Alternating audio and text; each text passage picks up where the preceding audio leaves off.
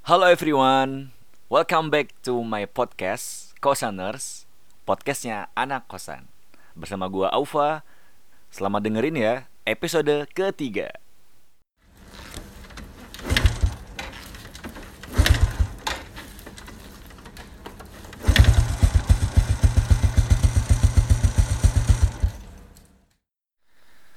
Hai hai hai kosaners, kayaknya udah lama banget ya Sejak episode kedua gue terakhir Udah berapa bulan tuh, sampai bulan April kali ini. Wah lama banget dah ya. Gue berharap kalian baik-baik aja Gue sekarang lagi di rumah Karena ada pandemi corona ini. Kalian juga mungkin lagi pada di rumah. Ya setelah beberapa minggu kita mulai study from home, work from home Dan kayaknya everyone udah pada stay di rumah. Tapi mungkin juga ada beberapa kali kalian yang dengerin ini yang masih stay di kosannya masing-masing, antara nggak bisa balik atau emang pengen stay di Jogja, or stay di kos di kota kalian masing-masing kali ya. So semoga kalian sehat-sehat semua dan enjoy. Kosaners, as you know, study from home, work from kali ini tuh kayaknya tuh udah dimulai dari awal tahun kali ya kalau di beberapa negara di luar tapi kalau di Indonesia mungkin baru kejadiannya pertengahan Maret kalau nggak salah. Disuruh pada studi study from home pertengahan Maret. Dan kayaknya bikin semua orang apa ya mengalami pengalaman baru. Entah itu pada stay di rumah ada yang harus terpaksa keluar dan sebagainya. Nah kosaners semua ini tuh berawal dari coronavirus yang mana mungkin kalian udah tahu juga udah baca di beberapa sumber beberapa newspaper or media online bahwasannya coronavirus yang ada dimulai tahun 2019 kemarin ini pertama kali diidentifikasi di Wuhan sebuah provinsi di Hubei China yang mana sampai sekarang udah menyebar luas ke banyak negara. Dan mungkin kalian pengen kalau pengen tahu informasinya bisa cek di website WHO ya kan? Gue nggak pengen bahas detail tentang apa itu COVID-19 tapi mungkin gue bahas dikit aja biar mungkin ada yang belum tahu. So kosaners COVID-19 kalau dari yang gue ambil dari webpage WHO bahwa COVID-19 itu adalah sebuah penyakit infeksius yang disebabkan oleh sebuah virus corona terbaru. Sebenarnya, sebagian besar orang yang terinfeksi oleh COVID-19 akan mengalami gejala respiratori atau penyakit respiratori atau pernapasan yang ringan sampai sedang dan dapat pulih tanpa memerlukan perlakuan atau pengobatan yang khusus gitu loh. Nah, ada beberapa orang nih yang dia ini kalau misalkan kena virus ini COVID-19 maka dia akan mendapatkan penyakit yang lebih serius. Itu older people atau orang-orang lebih tua atau enggak orang-orang yang punya riwayat medis yang parah kayak misalkan penyakit kardiovaskular atau diabetes atau penyakit respiratory atau penyakit pernafasan yang kronis dan kanker dan lain sebagainya yang mana mereka ini kalau misalkan kena virus COVID-19 maka mereka akan mendapatkan gejala yang lebih serius daripada orang-orang lainnya. So, uh, gimana sih COVID-19 ini menyebar gitu loh? Mungkin di beberapa sumber kalian dapetin ada yang nyebar di udara, ada yang nempel di logam dan sebagainya. As I read, seperti yang gua baca di WHO, bahwasannya COVID-19 ini menyebar melalui droplets atau saliva atau discharge dari hidung ketika seorang yang terinfeksi oleh COVID-19 ini sendiri batuk atau bersin. Nah, jadi misalkan kalian nih kan lihat ada orang batuk atau bersin, nah harus hati-hati. Bukan bukan semuanya yang batuk atau bersin itu sendiri COVID-19 ya, cuman harus waspada gitu loh. Karena melalui batuk atau bersin maka mereka akan mengeluarkan kayak droplets atau kayak air liur gitu yang mana itu bisa mungkin aja bisa membawa COVID-19 misalkan ada orang gitu loh terinfeksi COVID-19 terus dia batuk atau bersin kemudian dia ngeluarin droplets droplet tadi nempel terbang di udara gitu terus nempel di mana terus nggak sengaja kalian sentuh habis itu kalian pegang muka habis itu garuk-garuk gitu loh. Kalian juga bisa terkena. Terus gimana sih udah ada pengobatannya belum dari sumber yang sama dari WHO disebutin bahwasannya belum ada vaksin spesifik atau perawatan spesifik untuk COVID-19 ini sendiri untuk menyembuhkannya gitu loh. Bagaimanapun juga saat ini para ilmuwan, para dokter dan para profesor di luar sana pada menjalankan penelitian atau clinical trials atau percobaan-percobaan klinis yang mana mengevaluasi daripada gimana sih perawatan yang paling efektif buat ngerawat daripada pasien COVID-19. Nah, semoga WHO dan para peneliti luar sana bisa cepet ya nemuin perawatan, vaksin, obat dan sebagainya supaya misal ada pasien yang kena COVID-19 ini sendiri bisa langsung disembuhin gitu. Nah, berdasarkan laporan WHO terbaru uh, dari yang gua download dari situs WHO sendiri, Coronavirus Disease 2019 COVID-19 Situation Report 76 atau uh, report situasi ke-76 yang dilaporkan pada tanggal 5 April 2020 kemarin. Bahwasanya situasi dalam hitungan total secara global ada 1.133.758 kasus terkonfirmasi atau positif dan yang terbaru selama 24 jam terakhir itu sebanyak 82.061 dan dengan jumlah kematian secara global sebanyak 62.784 kematian. Dan selama 24 jam kemarin kematian ter terbaru adalah sebanyak 5.798 Begila, banyak banget ya. Udah 1 juta 100 orang yang terinfeksi dan 62.000 orang yang mati akibat COVID-19 ini sendiri. Dan mungkin atau bisa juga jumlah lebih banyak daripada yang tercatat di uh, di WHO karena mungkin masing-masing negara ada yang belum mengumpulkan data yang secara lengkap gitu loh. Sedangkan di Indonesia sendiri kasusnya adalah sebanyak 2092. Ini per itu ya, 5 April 2020 dan hari kemarin hari 5 April sendiri total kasus terkonfirmasi sebanyak 106 dan total kematian seluruhnya yang terkonfirmasi sebanyak 191 orang. Jadi hampir 10% ya kematiannya. Selain itu gue juga pengen nyampein himbauan dari WHO bahwasanya ada beberapa hal yang harus kita lakukan selama ada pandemi ini. The first one is wash your hands frequently cuci tangan kalian uh, secara berkala. Nah, kalian kan kadang-kadang misalkan nggak sengaja keluar, eh, nggak sengaja keluar, terpaksa keluar gitu loh, yang keluar beli bahan makanan atau apa gitu. Kan kita nggak tahu the droplet comes from where atau ada orang yang mungkin baru aja datang dan dia punya COVID-19. Semoga enggak ya. Nah, cuci tangan pakai apa nih? Jadi nggak cukup cuma pakai air doang gitu loh. Jadi butuh sebuah uh, pencuci yang mana beralkohol, alkohol based hand rub atau cuci dengan labun dan air. Terus katanya, "Kenapa?" Dengan mencuci tangan dengan sabun dan air atau dengan hand rub alcohol based akan membunuh virus yang mana mungkin aja ada di tangan kalian. The second one is maintain social distancing.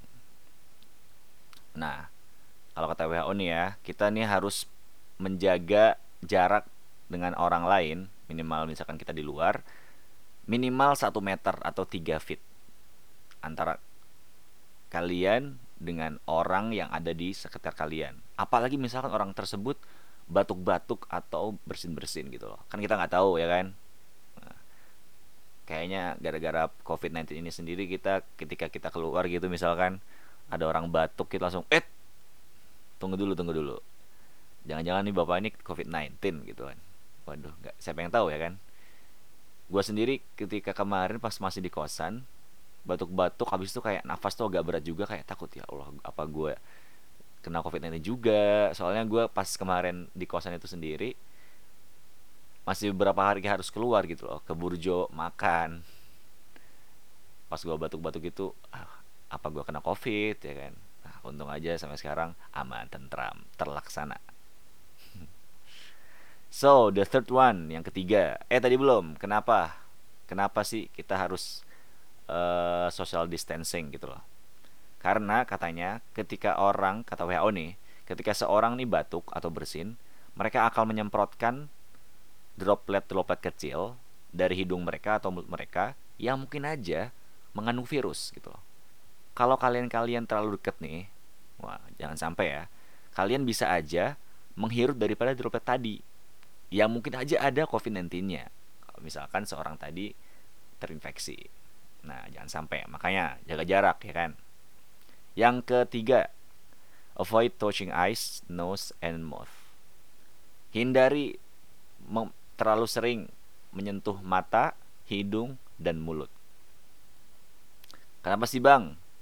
Nah, kata WHO nih ya, tangan yang menyentuh tangan kita yang menyentuh berbagai permukaan ya misalkan kita megang meja, bisa megang gagang, gagang pintu atau kita kita keluar ke Indo tit atau Alfa tit gitu loh. Kan nggak tahu nih yang bekas megang itu siapa. Siapa tahu dia di tangannya juga ada COVID-19. Kan kita nggak tahu. So dengan kita apa namanya misalnya kita nggak sengaja terus kita ternyata ada virus di tangan kita nah padahal kita belum cuci tangan terus kita megang tangan kita atau megang hidung atau megang mulut bisa jadi nih si virus tadi bisa tertransfer ke mata kita atau hidung atau mulut kita nah dari situ tuh virus bisa masuk ke ke tubuh kita dan bikin tubuh kita sakit. Ih, amit-amit ya kan. Terus yang keempat, practice respiratory hygiene. Nah, kalian harus pastikan nih, mastiin bahwasanya kalian, kosaners, dan orang-orang di sekitar kalian menjaga kebersihan respiratory dengan optimal. Yang mana ini kalian harus nih nutup mulut dan nutup hidung kalian dengan misalkan kalian pengen bersin nih atau pengen batuk, tutup jangan pengen bersin pengen batuk buka mulut deketin ke orang. Haci makanya kalau misalnya ada orang batuk atau bersin kalau orang lain batuk atau bersin kita menghindar eh hmm, kalau misalkan kita yang batuk atau bersin kita tutup tuh. Pakai misalkan kalau bisa jangan pakai tangan. Kita pakai apa? Tahu nggak sih? E, kita ngelipet ngelipet tangan kita tangan kanan kita lipat terus kita batuknya di bagian apa namanya? Lengan atas. Gimana ya? Di podcast nggak bisa digambarin sih pokoknya gitulah. Nah itu. Supaya si droplet-droplet kita yang keluar dari mulut kita ini sendiri nggak terbang. Oh iya beberapa saat setelah WHO menghimbau supaya kita bisa social distancing terus WHO bikin himbauan lagi nih si social distancing diganti sama physical distancing. Nah katanya ahli epidemiologi WHO Maria van Kerkhove tanggal 20 Maret yang gue baca dari Kompas ini jadi, jadi Kompas ngeliput atau Kompas nulis bahwasanya seorang ahli epidemiologi si Maria ini nah dia bilang bahwasannya saat ini berkat teknologi yang maju kita dapat tetap terhubung dengan berbagai cara tanpa benar-benar berada dalam ruangan yang sama dengan orang-orang lain secara fisik gitu loh. Jadi kalau tadi kan social distancing kayak membatasi sosial gitu kayak seolah-olah kita harus secara sosial membatasi diri gitu. Apaan sih lo? Jangan deket-deket. Lagi pandemi corona nih. Kayak gitu. Enggak. Tapi ternyata WHO bikin mikir lagi. Kayak, bagusnya bukan social distancing tapi physical distancing. Jadi secara fisik kita berjauhan tapi hati deket-deketan. Asik. Apaan sih Pak nggak jelas banget sih. Nah so udah berapa lama nih guys kalian physical distancing? Gimana? Betah nggak di rumah masing-masing kayaknya pada kangen hangout bareng temen kali ya. Gue juga udah kangen kuliah. Tatap muka tutorial. Waduh gila sih. Bayangin.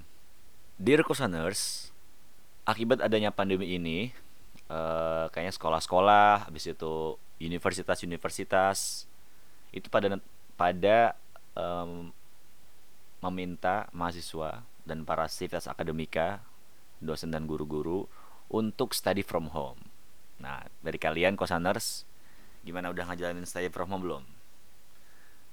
Nah, kalau tempat gua nih dari UI dari kampus gua uh, jadi pada hari Senin, pas hari Senin tanggal berapa tuh ya? Tanggal 16 Maret.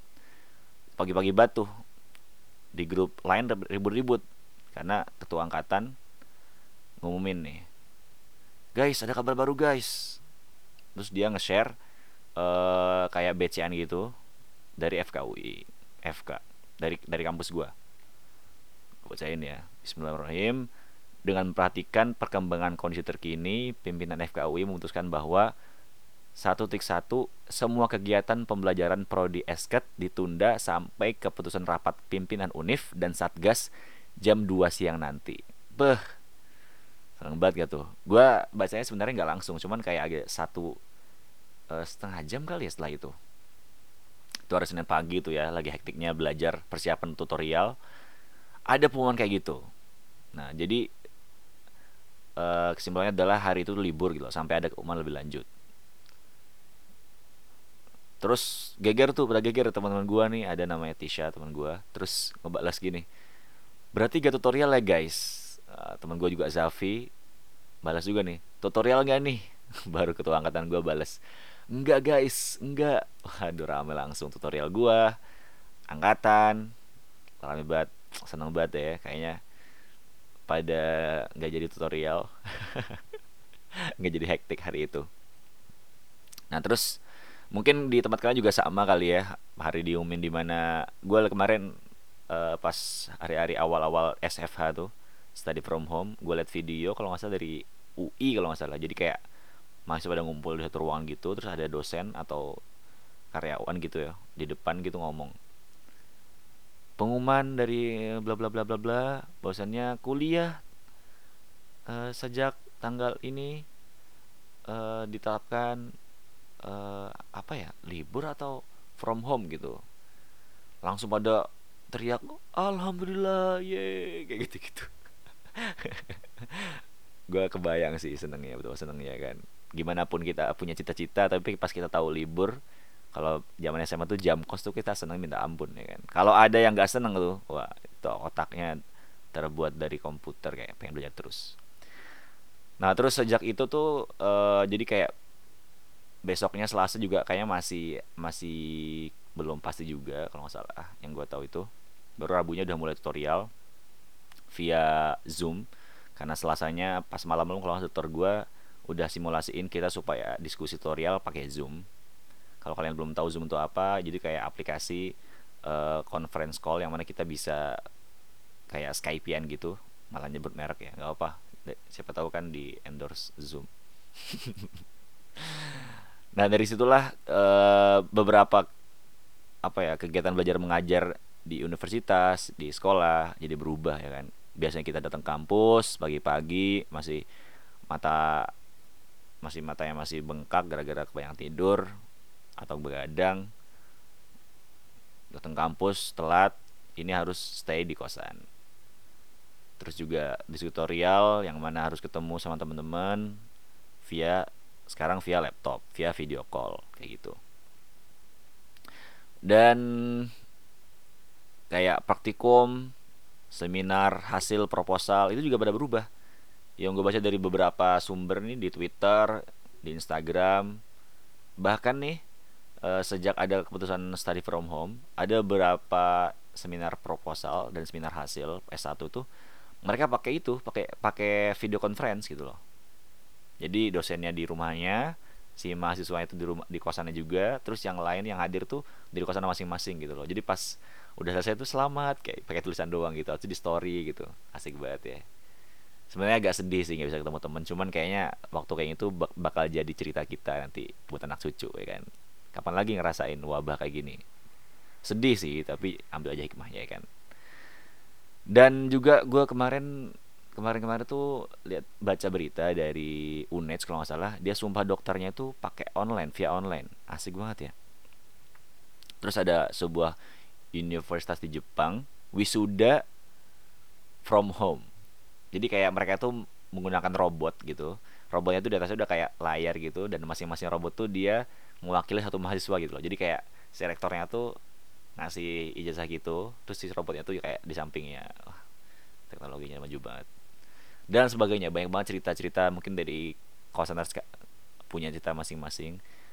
Mungkin dari kalian kosaners punya kisah masing-masing gimana awal uh, disuruh buat study from home entah itu kalian seneng atau enggak. Kayaknya awal paling seneng kali ya.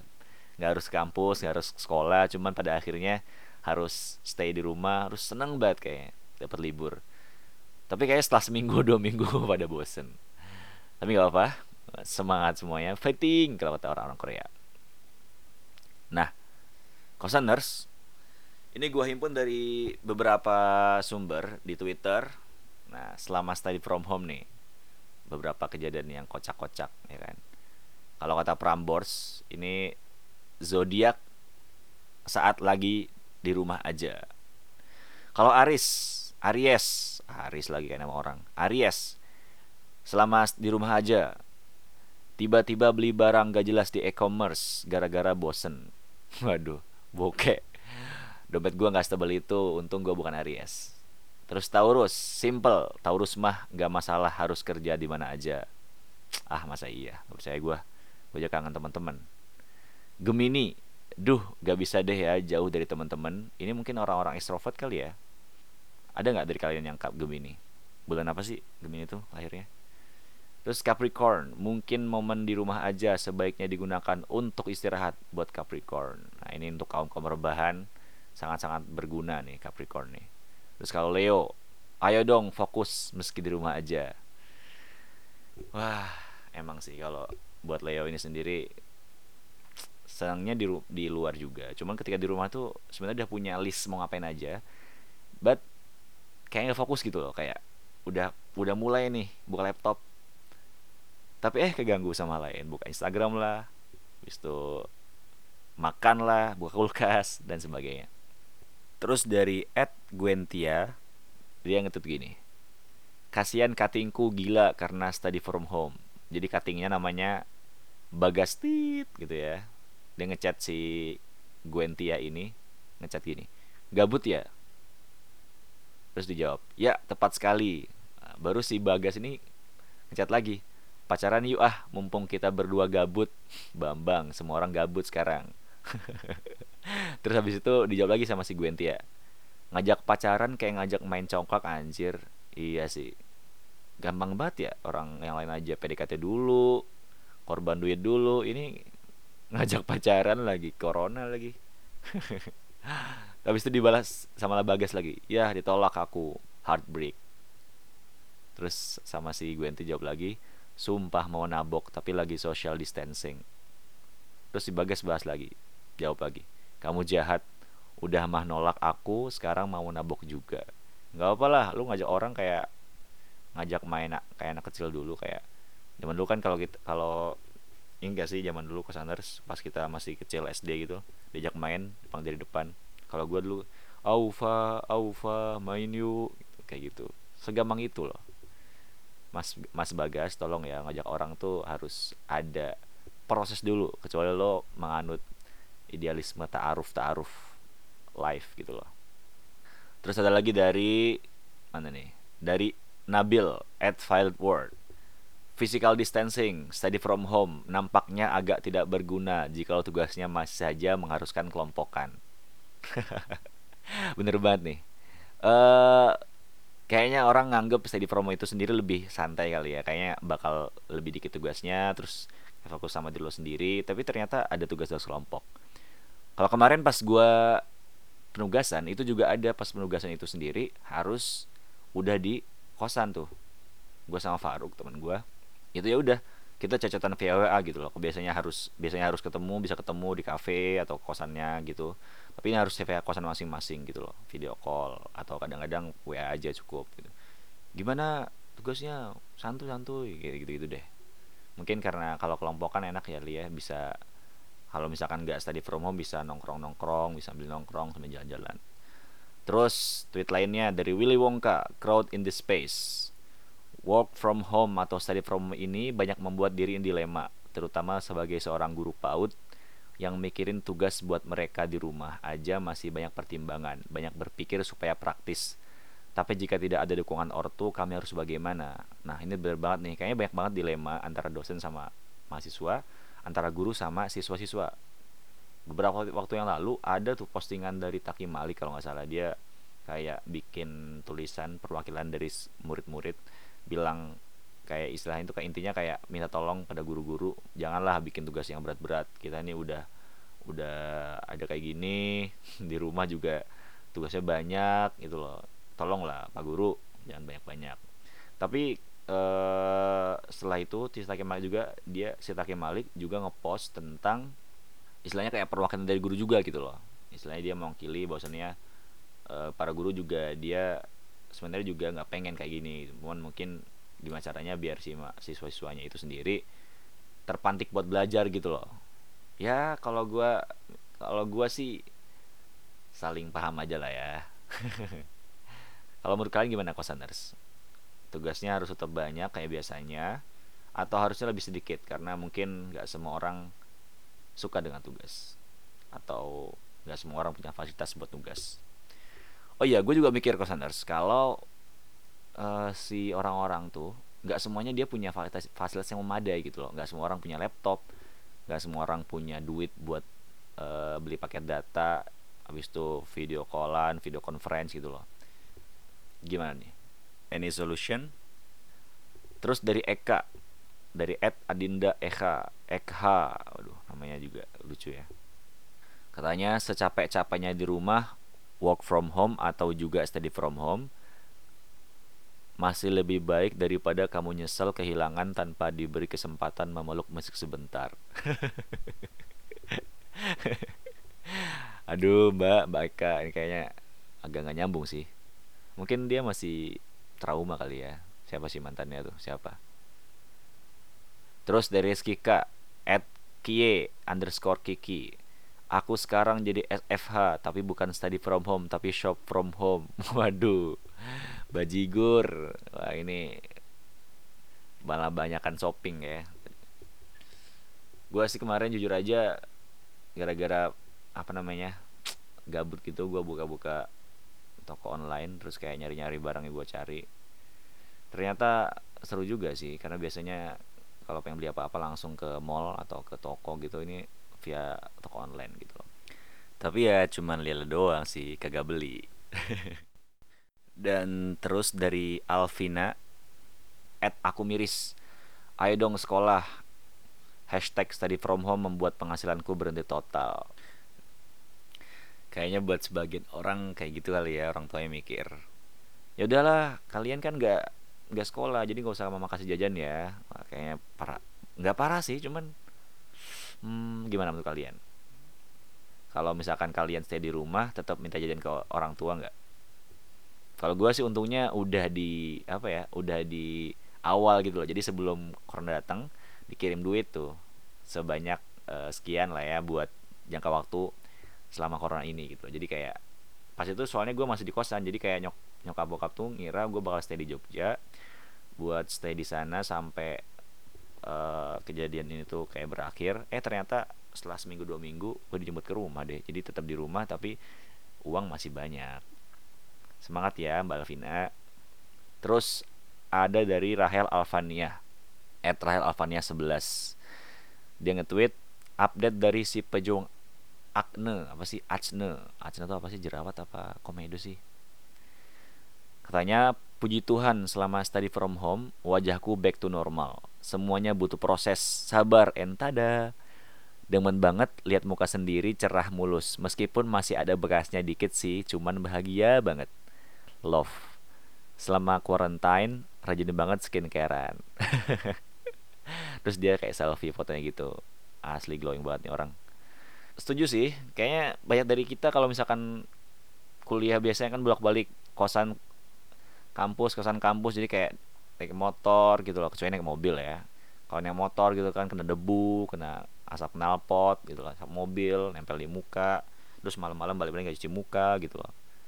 Pada sepet mukanya. Tapi kalau orang pada di rumah entah itu jarang kena matahari atau ya mungkin dia lebih perawatan aja kali ya. Kalau gue sih karena perawatan perawatan apa skincare gue ada di ketinggalan di Jogja. Jadi kayaknya sama aja sih. Tetap kayak gini juga gitu loh. Tapi kayaknya bakal kepikiran sih. Love yourself guys dengan merawatnya dengan baik. Ada lagi gak nih? Nah udah kayaknya dari gue kumpulin dari beberapa tweets para anak-anak Twitter. Kalau kalian gimana nih kosaners pada senang nggak sama study from home work from home? Semoga gak bosen ya. Kemarin gue cerita sama teman gue ada yang udah stres ada yang stres ada yang bosen banget ada yang ah pokoknya gitu deh macem-macem. Kalau gue pribadi nih di rumah ya sebenarnya bosen karena nggak bisa ketemu teman nggak bisa jalan-jalan bebas gitu. Tapi positifnya adalah gue bisa setiap hari ketemu nyokap bokap ada adik gue yang ada di sini terus makan gratis gitu loh. Di kulkas ada banyak makanan juga. Dan istilahnya kayak quality time lah sama keluarga. Karena mungkin selama gue kuliah atau mungkin juga kalian kali ya juga ketika kuliah kan jarang balik tuh. Pas balik ini momen di mana kalian bisa quality time bareng keluarga. Dear Kosaners Semoga kalian way aja nggak bosenan. Terlebih bagi orang-orang extrovert Yang mana dia harus bisa Dia harus keluar ketemu orang-orang Ngobrol, ngopi, ngalor ngidul ya kan. Bikin kopi dalgona Habis itu jadi anak-anak senja Nongkrong-nongkrong gitu Kita orang beda-beda sih Tergantung gimana cara kita nyikapinnya aja So Oke okay, Kosaners uh, Mungkin itu dari episode kali ini Kayaknya udah uh, lumayan lama nih episode kali ini. Uh, let's enjoy our study from home, work from home, physical distancing, dan kita berharap sama-sama supaya uh, segera berakhir ya.